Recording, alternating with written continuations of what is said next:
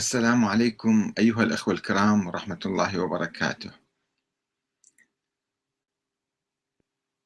من الواضح أن الأمة الإسلامية تحتاج إلى تعزيز الأواصر بين طوائفها وشعوبها ودولها وفئاتها المختلفة.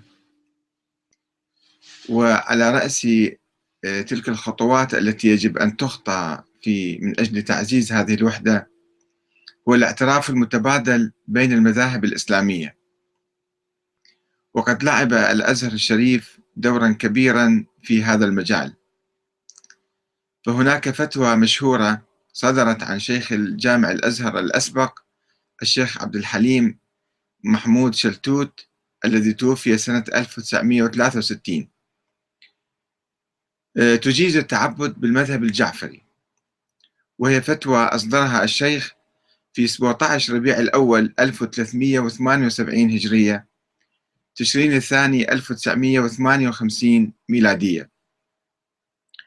وهذا وهذا نص الفتوى. قيل له إن بعض الناس يرى أنه يجب على المسلم لكي تقع عباداته ومعاملاته على وجه صحيح أن يقلد أحد المذاهب الأربعة المعروفة وليس